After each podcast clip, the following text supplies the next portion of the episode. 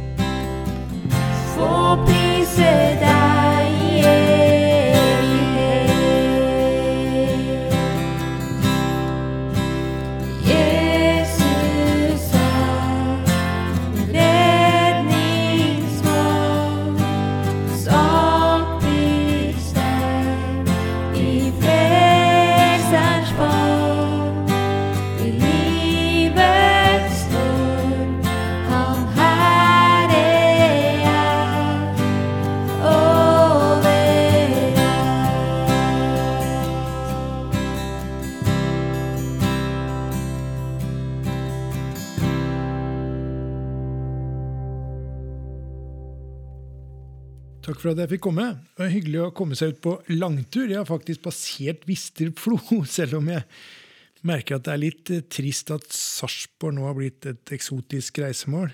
Eh, En av forrige søndags lesetekster var fra Åpenbaringen 2, og jeg har ikke jeg har egentlig ikke klart å legge den fra meg. Altså, versa napper meg ut av komfortsonen, liksom. De er noe av det mest skremmende og alvorlige for meg. Så når jeg først har blitt invitert på besøk, så burde jeg jo hatt med meg en lystigere tekst, nå Så da er jeg på en måte ikke noe koselig gjest å ha, men jeg klarte ikke la være, egentlig. Og da tenker jeg at, at det er lov, med veldig god samvittighet, å riste på hodet og si det. Det er typisk den der Fredrikstad-folka. Disippelen Johannes er forvist. Han har en slags husarrest på den greske øya Patmos, og her får han en åpenbaring. Han møter Jesus, som bl.a. ber han om å skrive brev til sju menigheter, altså ekte menigheter som ligger i dagens Tyrkia. Men til forskjell fra andre brev så sendes ikke disse her separat. De presenteres samla i den større boka som Johannes skrev, som er kalt Johannes' åpenbaring. Og hvert brev, i hvert fall, i hvert fall fem av dem, følger samme tredelte struktur. Det er først ros, så refs, og til slutt rehabilitering.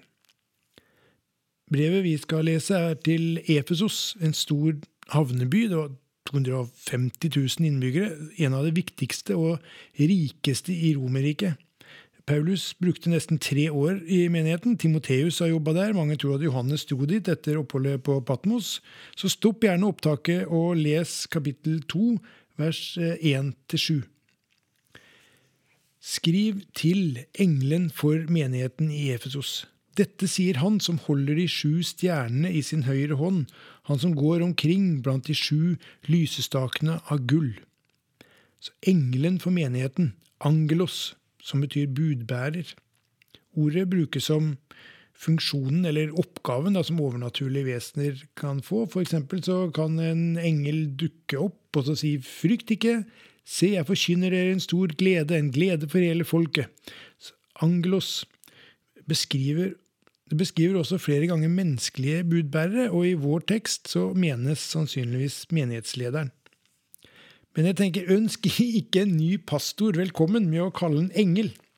Sarpsborgs engel. Både fordi pastorer ikke er engler, men også fordi det fort kan liksom oppleves som et litt voldsomt eh, forventningspress. Så altså, eh, skriv til pastoren i Efesos. Dette sier han som holder de sju stjernene, altså de sju pastorene, i sin høyre hånd, og som går omkring blant menighetene. Jeg vet om dine gjerninger, ditt strev og din utholdenhet. Jeg vet også at du ikke kan tåle de onde. Du har prøvet dem som kaller seg apostler, men ikke er det, og du har funnet at de er løgnere. Du har holdt ut, du har tålt mye for mitt navns skyld og ikke gått trett. Del én er ros. En hyllest, det er anerkjennelse av deres innsats, både det aktive strevet og den mer passive utholdenheten. Både slitsomt arbeid og stor, stor tålmodighet i et fiendtlig miljø. Og det handler, det handler om fire ting. Driftighet, disiplin, doktrine og dedikasjon. På alle fire områder så får de velfortjent skryt og oppmerksomhet. Og du vil finne mange bibelvers som motiverer og inspirerer til disse tinga, for dette her er bra. Og det ville vært fantastisk om Jesus møtte opp på en søndagsgudstjeneste og fortalte dere jeg ser og anerkjenner og verdsetter deres driftighet, disiplin, doktrine og dedikasjon. Dere er et forbilde for alle på disse områdene. Altså, for en opptur! Vi kan oppsummere det som at de er gode på tjeneste og gode på tro. Efesos-menigheten har en virksomhet vi ønsker vi hadde, bestående av kristne vi ønsker vi ligna. Så for et antiklimaks da Jesus sa men. Altså brevet går fra ros til refs. Så brått. Fra del én til del to, som en knyttneve i magen. Men er et ord det er viktig å være forsiktig med. Jeg, så jeg regner med at du er klar over det. Altså, I noen sammenhenger kan det sidestilles med likevel. Jeg, jeg skulle egentlig bare kjøpe en genser, men endte med to og fire bukser. Da, da betyr men likevel. Oftest er likevel men synonymt med på den andre side, eller tvert imot. Jeg er veldig glad i deg, kjæresten min, men er en skummel setning å begynne på. Så det må du ikke. Du kan mene likevel, liksom, men partneren din hører antagelig deg si tvert imot. Altså, jeg er veldig glad i deg, kjæresten min, men jeg skal bare se på denne fotballkampen. Så jeg tenker en større bevissthet rundt ordet menn, særlig hos kjønnet menn, kan redde mange forhold. Men i Åpenbaringen 2 eh, er det greske Allah som, som, som markerer en sterk motsetning, kon, liksom kontrast eller ulikhet. Jesus sier til menigheten i Efsos dere er veldig gode på veldig mye, men dette har jeg imot deg. Så de, de, sitter, de sitter der altså, ganske tett sammen, kanskje i en stue eller en lite lokale i Efesos, uten koronarestriksjoner. Altså, de er, de, er, de er virkelige folk. De har kjempa og ofra, er sett ned på, er utstøtt, men de holder ut. De støtter hverandre, oppmuntrer, deler klær, mat, historier, liv. De gir seg ikke, de står på. Og pastoren har lest starten på brevet. De har blitt applaudert av Jesus. Det har vært oppglødd sum, summing, altså fornøyde utrop. Jesus har sett deg, Bartolomeus! Det her, ja, det her handler jo om deg, Sofia. Det er tommel opp, smil, oppmuntrende nikk, vennskapelig peking. Høy! Deg! Det er, det, der, det er deg! Det er deg, vet du. Dette er mesterens ord. Dette er ikke et misfornøyd menighetsmedlem. Det er Jesus. Direkte nedskrevet, direkte til dem. Men jeg, men jeg har et problem med dere. Altså, hva kan være feil? Jesus har skrytt av vår tjeneste og vår tro, så er det noe som kan være feil da. Du har forlatt din første kjærlighet. Så de har holdt ved like lojalitet og aktivitet, men ikke sin kjærlighet. Jesus sier problemet er at du har forlatt din første kjærlighet. Du har forlatt din første kjærlighet.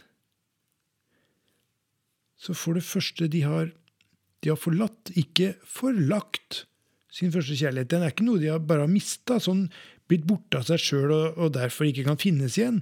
Tapet er resultatet av mange små, bevisste valg, den ene lille tingen etter hverandre, det, den ene som tar den andre.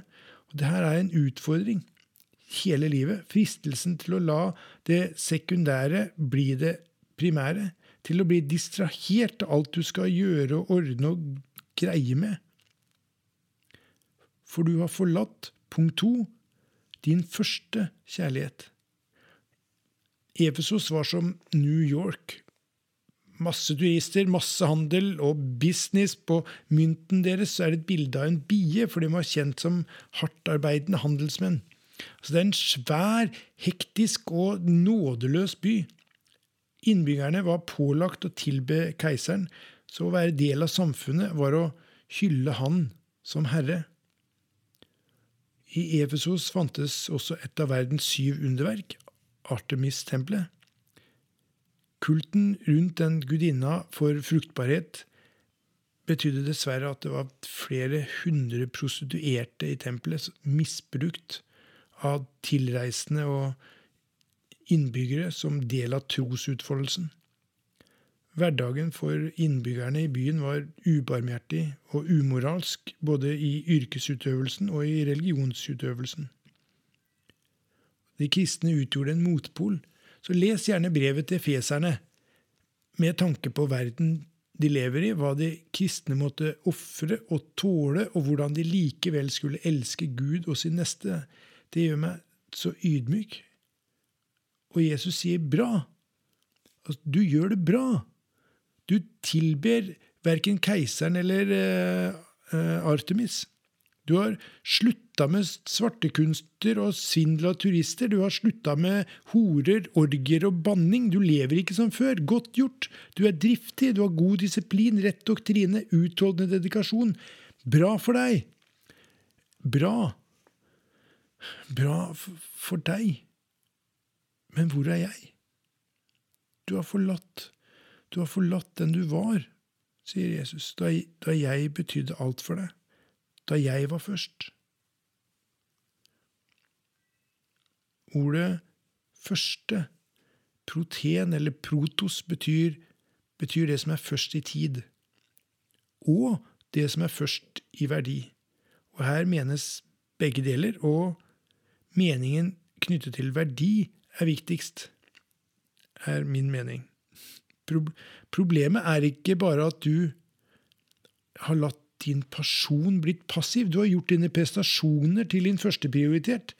Din første kjærlighet handler derfor ikke om et tidspunkt, men tilhørighet.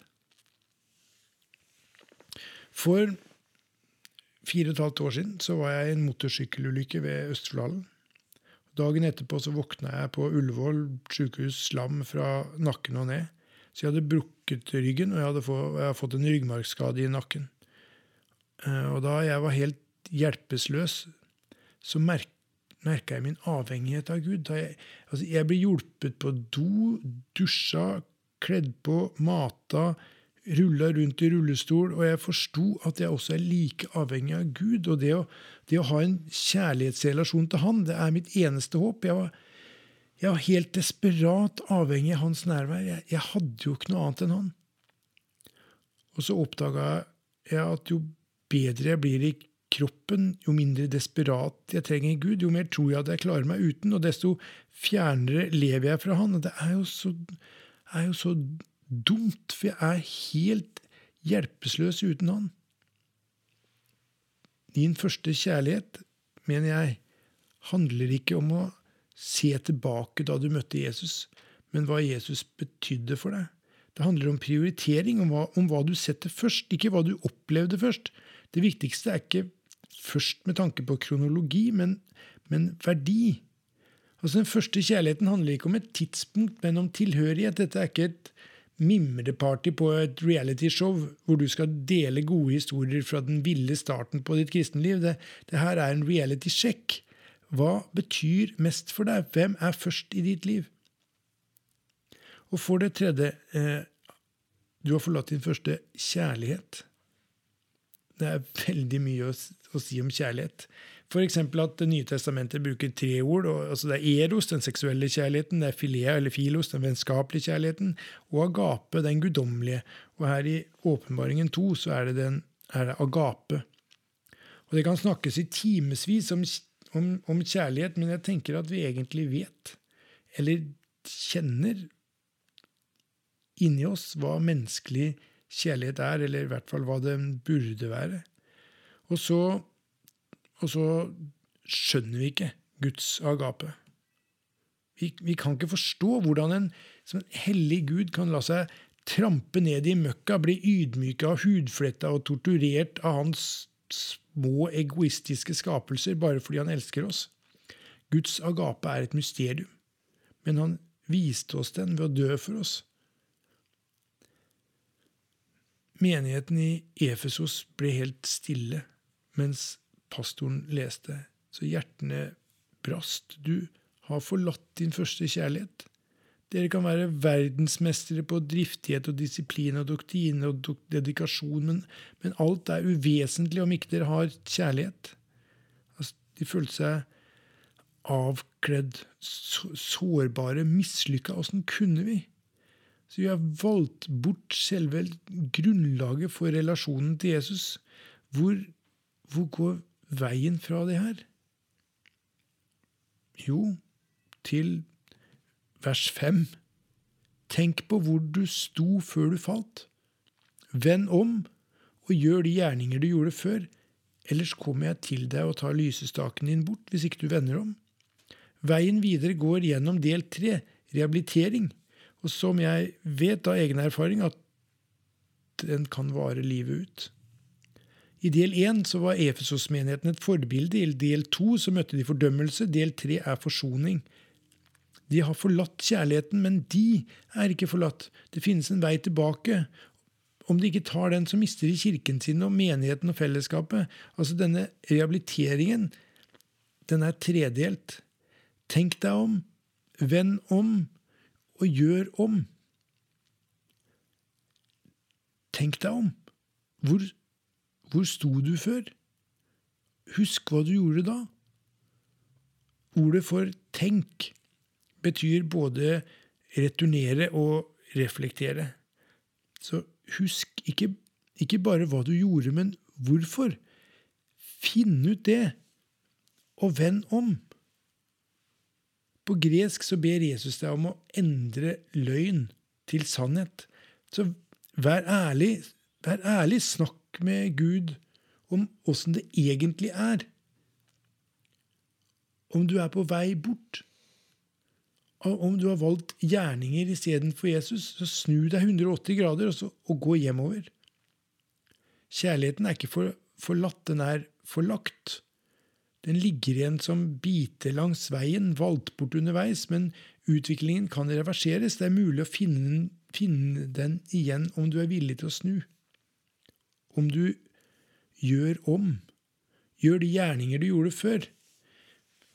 Men jeg tenkte liksom hva, hva er, men altså, hva, Her har Efesos-menigheten fått skryt for driftighet og disiplin og doktrine og dedikasjon. altså Langt større offer og innsats enn vi noensinne vil klare. Og det holdt ikke. Hvilke gjerninger snakker Jesus om her, da? Jeg tror dette handler om det, det mest grunnleggende og viktigste. Altså Din tjeneste og din tro skal vokse som en konsekvens av din tilknytning til Gud. Det er hans, det er hans kraft som gir liv til din lille grein, det er ikke din innsats som livnærer treet. Folka i den lille stua de blir bedt om å huske.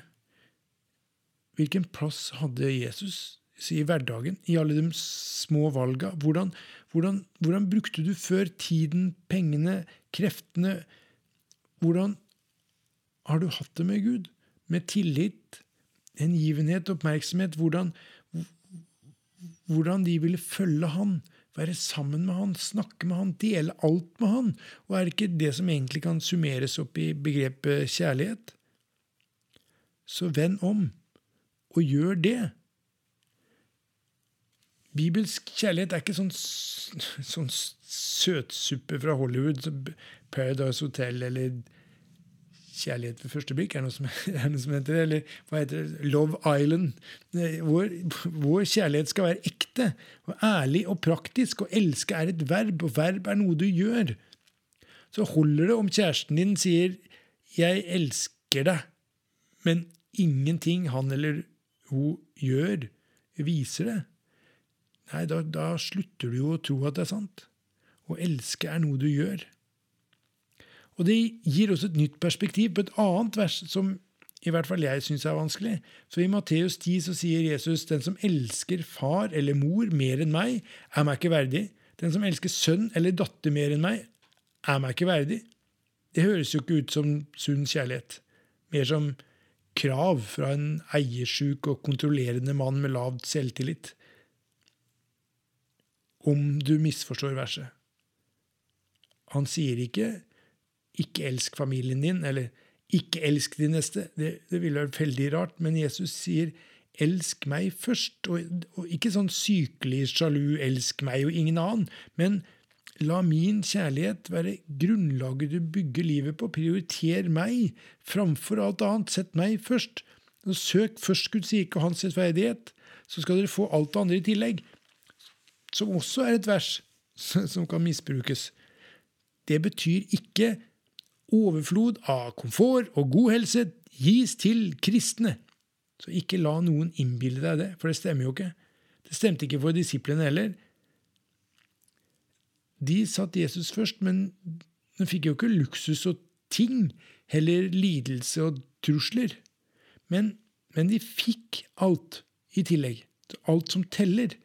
Trygghet, tro, hvile, mening med livet, evig håp, nytt liv, Guds kjærlighet. Og jeg tenker det var da, altså. Men, men, men hva med nå? Hva med oss? Noen hevder at de sju breva, som helt klart er til konkrete menigheter, også representerer som etterfølgende menighetstyper i kirkehistorien. Altså en, altså en slags profetisk kirkehistorie. En slags forutbestemt aktivitetskalender. Eh, Og det, det tror jeg ikke noe på. Men breva til menighetene er ikke bare til de sju, men til oss. De er eksempler for oss. En invitasjon til selvransakelse. Og jeg syns brevet til Efesos er skremmende fordi det treffer meg.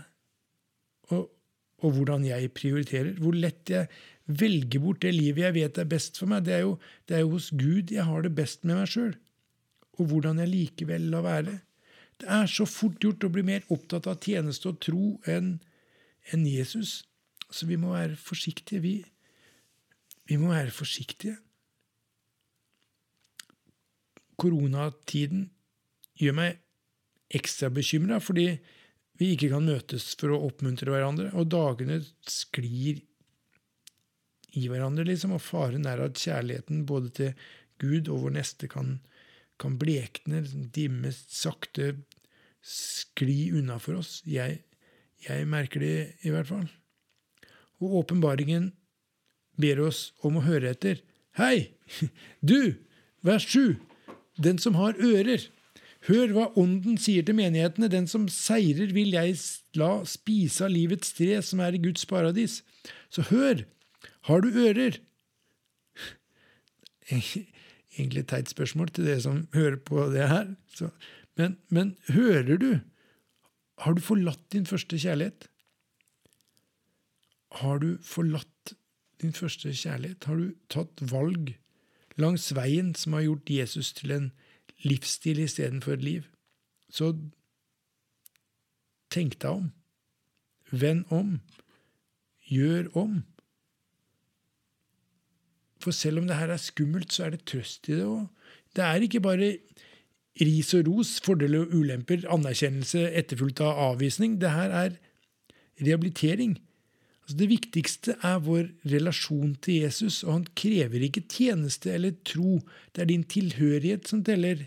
Hemmeligheten er at om Gud får vise deg sin kjærlighet til deg, så har du kjærlighet å gi andre. Han sier, 'Kom til meg, du som ikke får til, du som strever med tjeneste og tro. Vær hos meg.' Eh, Og la meg få lov til å vise deg at jeg er glad i deg. At jeg vil la deg spise av livets tre. Så teksten er tydelig på muligheten til å vende hjem til Guds varme gjenkomstklem. Om jeg vil, og om du vil.